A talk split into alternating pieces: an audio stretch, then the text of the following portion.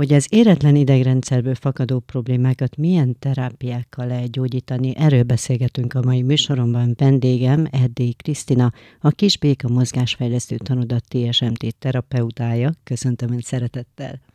Kedves Judit, köszönöm én is a meghívást. Úgy ö, mutattam be Önt, mint TSMT terapeuta. Talán nem mindenki tudja, hogy pontosan ez mit jelent. A TSMT az a tervezett szenzomotoros tornának a rövidítése.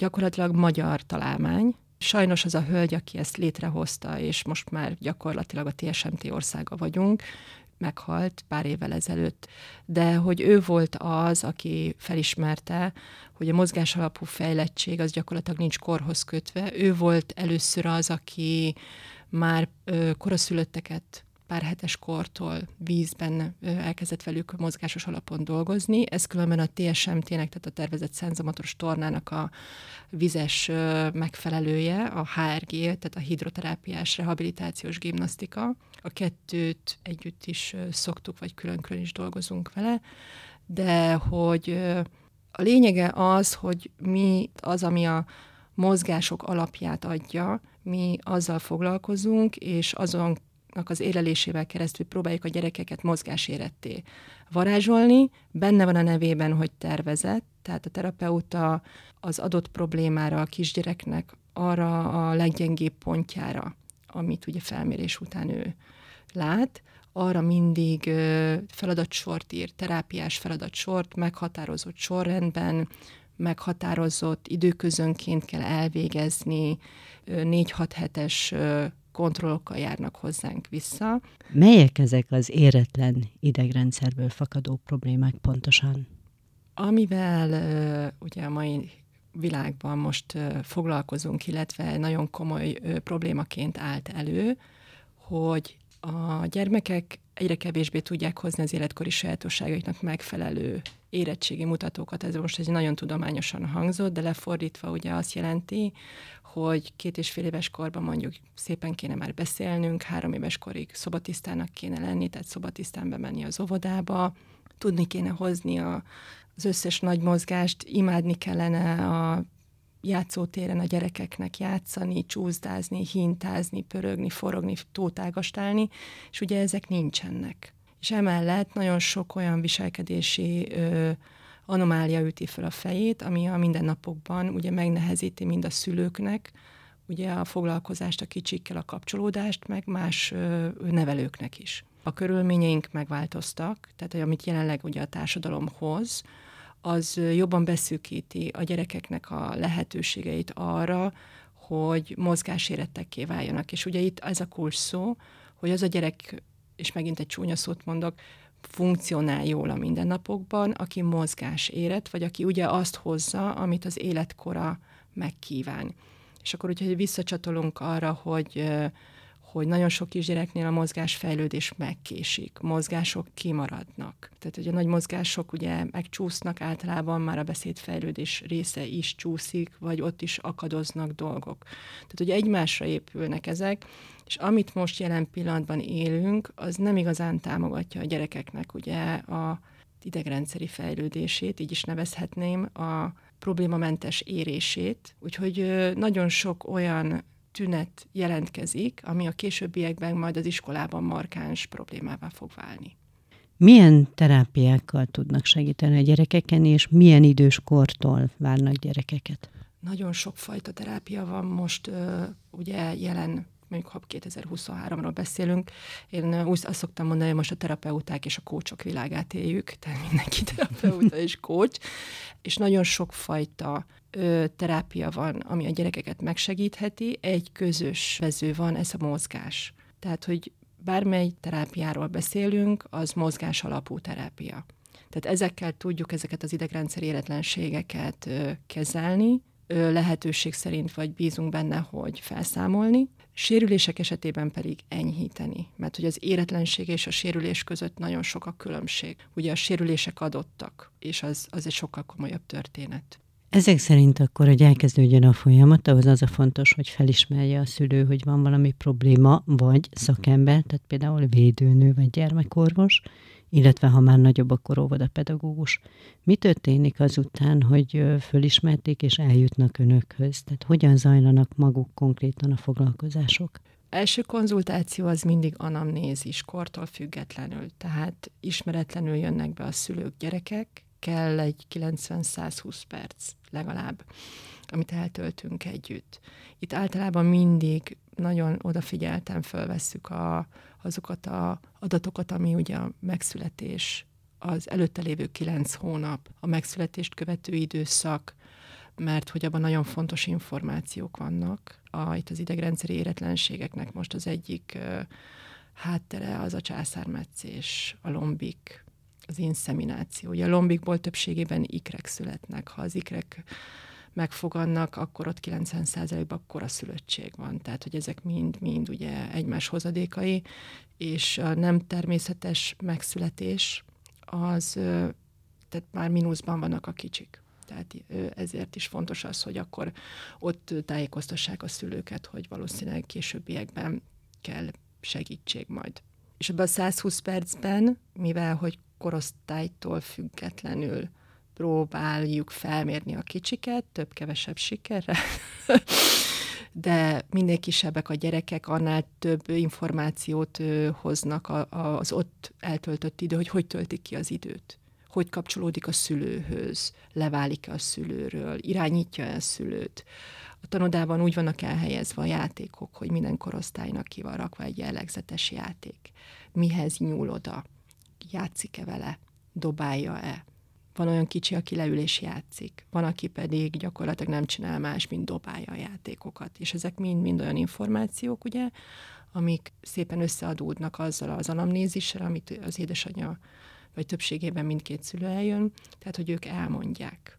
És ugye ez itt nagyon fontos elmondani azt, hogy a mozgáséretlenség, vagy az idegrendszeri éretlenség jelen pillanatban nem minden esetben azt jelenti, hogy ügyetlen a kicsi, hanem nagyon-nagyon komoly viselkedészavarokat és ideiglenesen megjelenő autisztikus tüneteket hoz, ami nem jelent autizmust, hanem egyszerűen az éretlenségi helyzetből fakadóan azok ott megjelennek. Itt megrémül mindenki.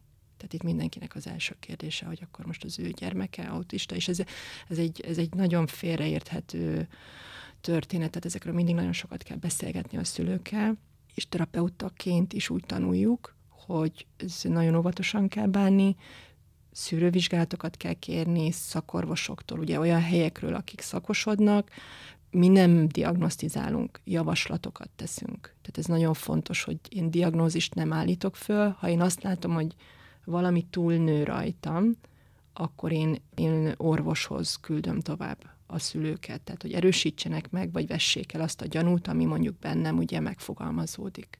De akkor ezek szerint az önök módszere, vagy ezek a terápiák, ezek a viselkedés zavarokon is sokat tudnak segíteni? Igen, mert most, ami jelen pillanatban nagyon-nagyon komoly probléma, ugye, hogy a gyerekek többsége nem beszél három évkor körül. Nagyon fontos tudni azt, ez főleg fiús szülőknek szánom, hogy kisfiúk többsége sokkal később érik, és sokkal később kezd beszélni, mint a kislányok. Tehát van a, vannak olyanok, akik három éven bőven túlnyúlnak, ugye? és ezáltal, hogy a kicsikben, tehát a befogadó nyelvi készség, ami a fülön keresztül megy, az működik többségében, tehát a kicsik tele vannak szókincsel. De mivel az idegrendszer nincs azon az érettségi szinten, nem tudják kifejezni magukat. És ez iszonyatos feszültséget okoz, hogy nem tudják kikommunikálni magukat. A dürohamok, a hiszti, a türelmetlenség, a tetlegesség, tehát azok mind-mind, amik megnehezítik, a, és ezt, hozzá kell tennem, hogy ez általában dac korszakban szokott jönni, tehát nehogy véletlenül könnyebb legyen a helyzet, tehát hogy ezek nagyon nehéz helyzetek.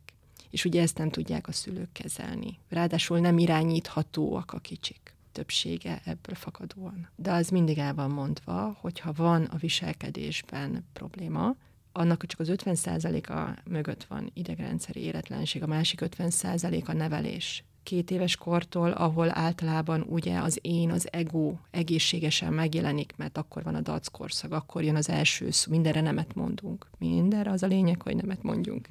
Akkor van az, amikor a kicsi azt mondja, hogy nem, én tehát ő szeretné megtapasztalni, ő szeretné megcsinálni, ott kell elkezdeni a szülőnek felelősen vezetni a, ter- a gyereket. Egyszerűen ki kell alakítani az egészséges aláfölé rendelt viszonyt szülő és gyerek között. Ez a szeretetet nem csökkenti. A kicsiknek nagyon fontos főleg ebben a 24-36 hónapos korban, hogy állandóság legyen körülöttük, és keretek. Ezért nagyon fontos a napi rend, hogy minden ugyanakkor történjen. Ugyanakkor ebben a korban tevődik bele a kereteknek a feszegetése. Meddig mehetünk el, milyen határaink vannak. És itt a vezetést az alatt értem, hogy a szülőnek ugye egy egészséges keretet kell meghatároznia, és azon belül kell tartania a gyerekét. Meg ami nagyon fontos, hogy el kell fogadnia a szülőt, mint vezetőt. Ha ez nem történik meg, akkor a későbbiekben a gyerekek önjáróká válnak, vagy zsarolják, érzelmileg zsarolják a szülőt, és abba már egy olyan helyzetben, amikor a gyerek segítségre szorul, és az a segítség arról szól, hogy Petike, gyere ide, most fölállunk a labdára, vagy gyere ide, mert leugrunk tizet, vagy fog meg a kezem, és azt mondja, hogy nem, és elmegy a másik irányba. Tehát, hogy abba már nem fér bele, mert akkor tudsz segíteni, ha elfogadja. És ugye ezt is ki kell alakítani. Tehát, hogy meg a szülőnek is arra lesz szüksége otthon is, hogyha azt mondja, hogy Petike, gyere, mert fürdésidő van, akkor otthon menjen el és fürödjön. És nagyon sok a tapasztalatom, hogy a mostani szülők félnek a gyerekeiktől. Azt látom, amit nem tartok most olyan jónak, de ezt megint azt kell mondanom, hogy nem a szülők felelőssége, mert ezek a szülők is egy olyan társadalmi minták között nőttek föl, ami teljesen más, mint a mi korunkban. Ugye nekünk felnőtt, lassan felnőtt gyerekeink vannak, hogy borzasztó sok az inger, sok mindenhez hozzá lehet jutni, és mit tesz a szülő, nagyszülő, ezt mind megveszi, és lehetőség szerint be is zsúfolja ugye otthon. Tehát innentől fogva azzal, hogy egy kisgyerek 15-20-30 dolog közül választhat, elveszti azt a képességét, hogy egy dologgal mélyebben tudjon foglalkozni. Tehát erről szakkönyv, szakkönyvek is készültek, hogy, hogy az egyszerűség és az átláthatóság segíti a legjobban a gyerekek egyensúlyát. Minden fiatal szülőnek ilyenkor azt szoktam tanácsolni, hogy üljön le egy kicsit és vegye vissza, tehát nézzen vissza a saját életébe, hogy, és nyilván ez most nem a bizonyítottan ADHD-soknak szól, de hogy akkor érzi ő is magát biztosnak, ha egy időben egy dologgal foglalkozhat.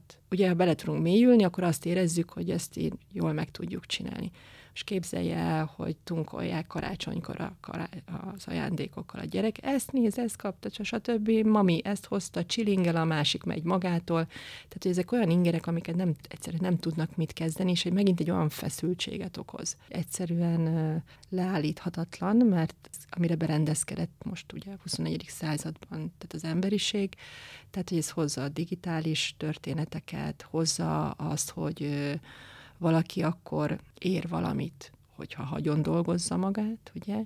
Pedig az első hét év, tehát nullától az első hét év, de ha csak veszük az első ötöt, ha azt az édesanyja meg tudja tenni azt, hogy értő szemmel és viszonylag homogén környezetben nevel gyereket, annak nagyon nagy értéke van.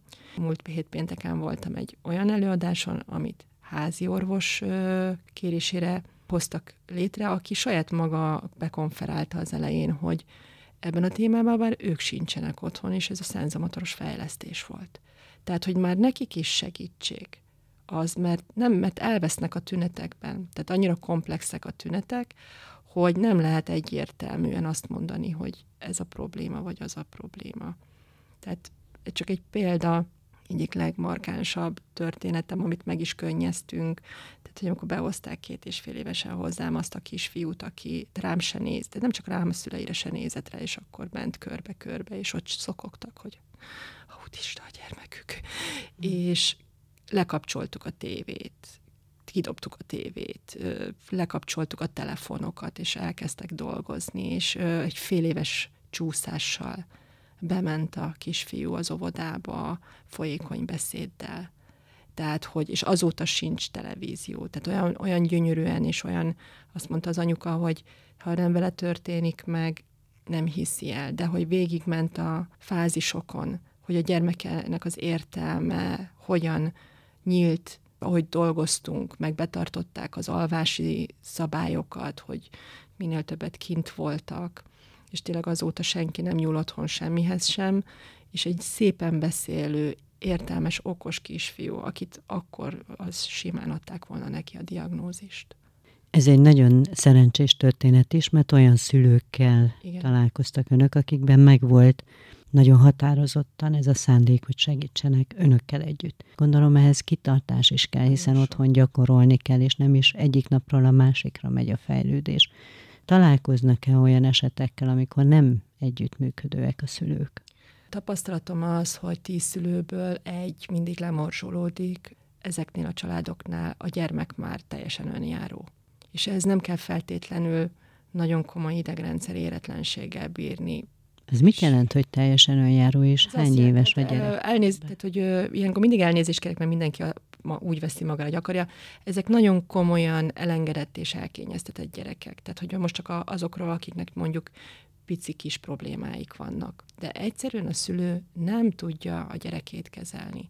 Ha a hétköznapokban nem tudja bizonyos egyszerű élethelyzetekben a gyermekét behívni, és azt mondani, hogy már pedig most fogmosás van, vagy most mondtam, már pedig ezt tesszük meg, akkor az nem fogja tudni napi szinten egy 15-20 perces tornába berakni, ahol ha kicsi a gyerek, akkor ugye passzív a torna, tehát mi tornáztatjuk, de ha nagyobb a kicsi gyerek, akkor ő önállóan kell, hogy dolgozzon szülői segítséggel. És azok morzsolódnak le, akik nem tudják a gyermeküket fegyelmezni, illetve nem tudják irányítani. És 4-8 hét után feladják. Tehát körülbelül az első, az 50 a négy hét után már nem jön vissza, ott még vannak ilyen kis kifogások, szoktak. Ez azért elég nagy, nagy szám, nem? Igen, de, de a gyerekek többsége, azt kell mondanom, tehát, hogy kevesebb az irányítható gyerek jelen pillanatban. Tehát én, én megfogom őket bent, amikor tornázunk. Tehát én, ezt, én mindig ezt szoktam mondani, hogy amikor a kicsihez hozzányúlunk, oda nem kellenek belevinni érzelmeket, mert tudjuk, hogy miért csináljuk. Tehát nem azért fogod meg, hogy fájdalmat okoz neki, egy határozott mozdulattal gyönyörűen be lehet a kicsit vinni feladathelyzetbe. Ráadásul, ami azt gondolom, hogy inkább nagyobb probléma a szülő részéről, hogy a gyerekek többségét gyönyörűen benne lehet tartani, hogyha mi is játszunk velük. Bolygóközi utazások, plüssállatok, bármi segíthet bennünket, közönség, stb nem tudnak gyerekbe lemenni a szülők. Nem tudnak egy olyan helyzetet alakítani, hogy a gyerek elfelejtse, hogy egy feladat sorban van. És ez a nehezebb. És fiatal szülőkről beszélünk. A tornába is nagyon sokszor alkalmazzuk, meg alkalmazom bent a tanodában, hogy, hogy nálunk állomások vannak. Különböző bolygók, különböző helyek. Ők megmondhatják, hogy ők most milyen állatkák, hogy merre menjünk, mit csináljunk, de valójában ugye a feladatokat csináljuk. És el, elfelejtik, hogy, hogy gyakorlatilag ez egy feladat. És olyan gyönyörűen vég lehet őket vezetni, és akkor látok néhány, ilyen szomorú arcokat a szülő részéről, akkor szegény hozzá, és akkor mondja, hogy Úr Isten Krisztina, nem bírjuk otthon, tehát hogy küzdünk. És akkor így végnézi, ahogy így, na, gyere Balázs, és akkor csináljuk, és akkor így, így, így szó nélkül csinál mindent a kicsi. De a küzdünk, azt mire érte, hogy nem bírják a gyakorlatot? Nehezen hogy a gyerek elindítani a feladatokat, és nagyon sok a mhm. kiszállási kísérlet. Éhes vagyok, szomjas vagyok, most játszok egy kicsit ezzel. Tehát amit mondtam, hogy ugye feladatról feladatra kell menni.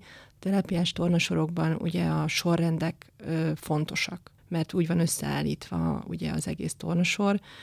Az edzés elmélet különben az alapja, és ö, talán pontosan azért nagyon testhez álló ez a munkám, mert én ugye edző is vagyok most már 26 éve, és a, tehát az edzés elmélet, tehát hogy mennyiségi, minőségi ingereknek a váltása, a dagolása, illetve az, hogy ezt hányszor csináljuk, mikor könnyítünk, ez nekem zsigerből jön. Tehát, hogy ez már úgy belém van ivódva. És a Katalin, a lakatos Katalin, annó, mikor tanított bennünket, ezt ő is, tehát az edzés elméletet külön kellett tanulni a terápiás munkához, Nyilván akinek nem volt sportolói múltja, az kicsit nehezebben ö, tudta ezen magát átrágni. Mi, akik sportolók voltunk, ez hála Istennek ez, ez nagyon természetesen jött, és én többségében nagyon sokszor ezt a sikerhez párosítom. Tehát, hogy nagyon fontos az, hogy a terapeuta lássa az összefüggéseket, tehát hogy hol kell változtatni, ha változtat, akkor miért változtat, mennyit változtat. Nagyon sok esetben vissza kell lépni, tehát legegyszerűbb eset, ha a kisgyerek nem tud ö, mászni, most mondtam valamit, akkor nem erőltetem a mászást, hanem visszalépek, és olyan feladatokat teszek be, ami majd a mászást fogja elősegíteni. Tehát nem rugózok azon, ami nem megy, hanem tudom azt, hogy mi az, ami miatt majd menni fog, tehát akkor visszalépek, és akkor ott helyben ö, szoktam módosítani. Visszatérve egy picit erre a szülői szerepre, ahogy így beszélgetünk, olyan egyszerűnek tűnik pedig a megoldás. Határozottság, szeretet, kitartás, valami ilyesmire lenne csak szükség, Igen. csak nyilván kimondva nagyon egyszerűnek tűnik, vagy egyszerűbbnek tűnik, mint a hétköznapokban. Mennyi időskorig lehet segíteni ezekkel a terápiákkal a gyereken? Ha nagyon őszinték akarunk lenni, vagy itt neurológiailag akarjuk ugye megtámogatni, és megint csak azt mondom, amit tanultam, és hiszek benne, amit tanultam, kilenc éves korra érik be az idegrendszer. Azzal az eszköztárral tud dolgozni a kicsi, ami addig ki lett alakítva. Az eszköztárat azt úgy kell érteni, hogy találkozik egy problémával, felismeri, mérlegel, ugye, és megpróbálja megoldani. Tehát ez a probléma, ez most lehet egy elesés, lehet egy írás, lehet egy baráti összeveszés most élet bármely területén. Utána sokkal nehezebb, ugye, ezeket a dolgokat alakítgatni, akiket ilyen három éves kor környékén hoznak el hozzám, és mondjuk elvezetjük őket az iskolába, 6-6 és fél 7 évesen, nagyon-nagyon sokat változnak, és az utolsó egy évben látványosan. Járnak hozzám 7-8 évesek is, nagyon-nagyon komoly munkát végzünk, nagyon kicsi, látható sikerekkel, ott egy csomó minden mást is mellé rakunk. Tehát, hogy ott én már az olvasónaplótól kezdve a rajzoláson keresztül, a gyógytornán egy sportágnak a behívása, tehát, hogy nagyon komoly körítést rakunk mellé, és, pró- és, és azért hozzá kell tennem, hogy próbálják a szülők. Tehát, hogy én ebben hiszek, és ezért mondtam azt, hogy nem kell ráfeszülni, de egy ilyen két éves kor környéken egy kicsit értőbb szebbel néz a szülő a gyermekére és megfogalmazza, hogy mondjuk a mindennapokban mi az a probléma, ami fennakadnak, és elkezdenek vele foglalkozni, ezeket iskolás korra gyönyörűen ki lehet dolgozni. Tehát minél kisebb korban, minél hamarabb észrevesszük, minél kisebb korban jut el önökhöz a gyerek, annál ö, nagyobb lehetősége van annak, hogy teljesen be tud simulni majd az iskolai társadalomban, lehet Igen, ezt mondani. És itt, Vagy könnyedén veszi az akadályokat. És itt nagyon fontosnak tartom azt a részét, ö, hogy miért, miért mondjuk ez a kor, tehát beszéltük ugye az, hogy a megszületés az mennyire jelentős tényező,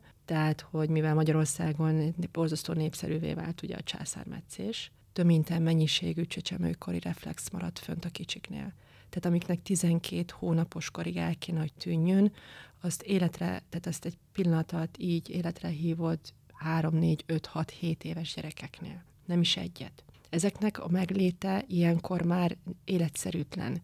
Tehát innentől kezdve, ha ezek a csecsemőkori reflexek nem tűnnek el, a kicsi nem tud ö, egészségesen érni tovább. Tehát maga az érési folyamat sérül. Ingerfeldolgozási zavarok, érési zavarok, amik mozg, mozdulatokban, tikkekben, ö, csak mondok egy párat, ami, ami meg, tehát a jobb oldal nem működik, térben tájékozódás nem működik, nem akarnak rajzolni, a beszéd ugye nem tisztul föl. Tehát, hogy ez mind annak a hozadéka. De hogyha egy ilyen két éves kor környékén, vagy két és, két és három év között, ugye azért ott már nagyjából látható, főleg egy császáros kisgyereknél, hogy hoppá, ez azért mégse úgy fejlődik, ahogy kellene, és elkezdenek vele foglalkozni, és mondjuk rászánják az időt, hogy mozgásos alapon, és nyilván, ha van mellette más, akkor még más is behívni, gyönyörűen ki lehet dolgozni, és ott még nem, nem sürget az idő. Pánikszerűen jönnek öt és fél, hat éves gyerekekkel, akiknek szeptemberbe kell bemenniük az iskolába, és akkor kérdezi a szülő, hogy fél év elég lesz? Jó Isten áldjon meg, mondom, hát hol voltak az elmúlt öt évben, és hat hónap alatt azt már nem tudjuk megoldani úgy. Tehát ott, ott mondjuk, hogy ott tovább kéne menni, ha suli megy, de onnantól kezdve, hogy a kicsi bekerül az iskolába, a szülőnek a lehetősége, hogy ő mondjuk egy olyan időpontban, amit én adok, megjelenjen a gyerekkel, négyig van az iskolában, halálfáradtak, ott betornáztatni még. Sok esetben megmondom, a szülő is elhullik estére, tehát ez uh-huh. nagyon nehéz. Ha még ekkor sem kerül be a gyerek, akkor nem csak az a probléma, hogy esetleg ugye az iskolában nehezebben veszi az akadályokat, hanem ha ez nincs kikezelve, most nem olyan szép fogalommal megfogalmazva, akkor kamaszkorban, illetve felnőtt korban sokkal súlyosabb következményei lehetnek. Hát egyszerűen fogalmazva idegrendszerileg éretlen felnőtt, az idegrendszerileg éretlen felnőtt türelmetlen, dühös, verekedős, nagyon gyakran agresszív. agresszív, nagyon gyakran váltogatja a munkahelyét, önértékelési problémák, szorongások, sok mozgásos ügyetlenség, ugye emiatt miatt nem is szeret mozogni, tehát, hogy sok olyan dolog van, ami miatt ugye ő a társadalomban nehezen tud beilleszkedni, önmagával sincsen meg elég, tehát érzi azt, hogy valami nem működik, tehát a társas kapcsolódások sérülnek, munkahelyi beválás sérül, és akkor ezeket így lehetne sorolni, és itt senki ne vegye magára semmit, de hogy ha megnézzük a fiatalkorúak börtönét, vagy a javítóintézeteket, tehát az ottani összes fiatal, hogyha most itt levizsgálnánk, szűrnénk, tesztelnénk, több mint mennyiségű csecsemőkori reflexel rendelkezne, és idegrendszeri éretlenségük az nagyon komolyan. Tehát, hogy az, és hogy ez, ez, és mint szegények, tehát igazából nem is tudnak mit kezdeni vele, mert csak a, az a belső ösztökélés megy, hogy megéljék azt az energiát, ami be van szorulva, de az, hogy már az milyen úton jön ki, arra már nekik nincsen útvonaluk. Szóval számtalan pszichés, illetve életviteli Igen. problémát lehetne megelőzni, hogyha időben gondoskodik erről a szakember és a szülő együtt. Igen. Önök nem olyan régen díjat is kaptak a Heves megyei önkormányzat Heves megyei családokért díját. Gondolom azért is fontos, mert bár a gyerekek sikerei, a szülők pozitív visszajelzései erősítik önöket, de talán egy ilyen díj is, amelyet a Nagycsaládosok Egyesület teljesztett föl, ez mindenképp egy plusz pozitív elismerés. Ez nagyon szívmelengető volt, mert nem számítottunk rá, meg megvallom őszintén, már most mi nem is hirdetjük magunkat. Tehát pedagógiai szakszolgálattól küldik a gyerekeket hozzánk, házi orvosok, védőnők, óvodapedagógusok, tehát nincs miért hirdetnünk magunkat. Nyilván a, a szolgáltatásunk önköltséges, mert nem vagyunk benne ugye a, a szociális hálóban, de kialakult egy útvonal, ami miatt, amin kapjuk a gyerekeket, illetve ugye nagyon sok szülő magától jön. Tehát, hogy ők már akkor látják, hogy van valami probléma, és meg is lepődtünk, amikor fölhívtak bennünket, hogy ezzel, tehát ezt a díjat mi megnyertük, úgyhogy ez ilyen csendes, mosolygós, meleg, szívmelengetős történet volt. Jó, jó, köszön, nagyon köszöntük. További ilyen kitartást, ilyen lendületet kívánok Önöknek, és nagyon sok gyógyuló gyereket. Köszönöm szépen, hogy eljött hozzánk. Én is köszönöm szépen a meghívást még egyszer.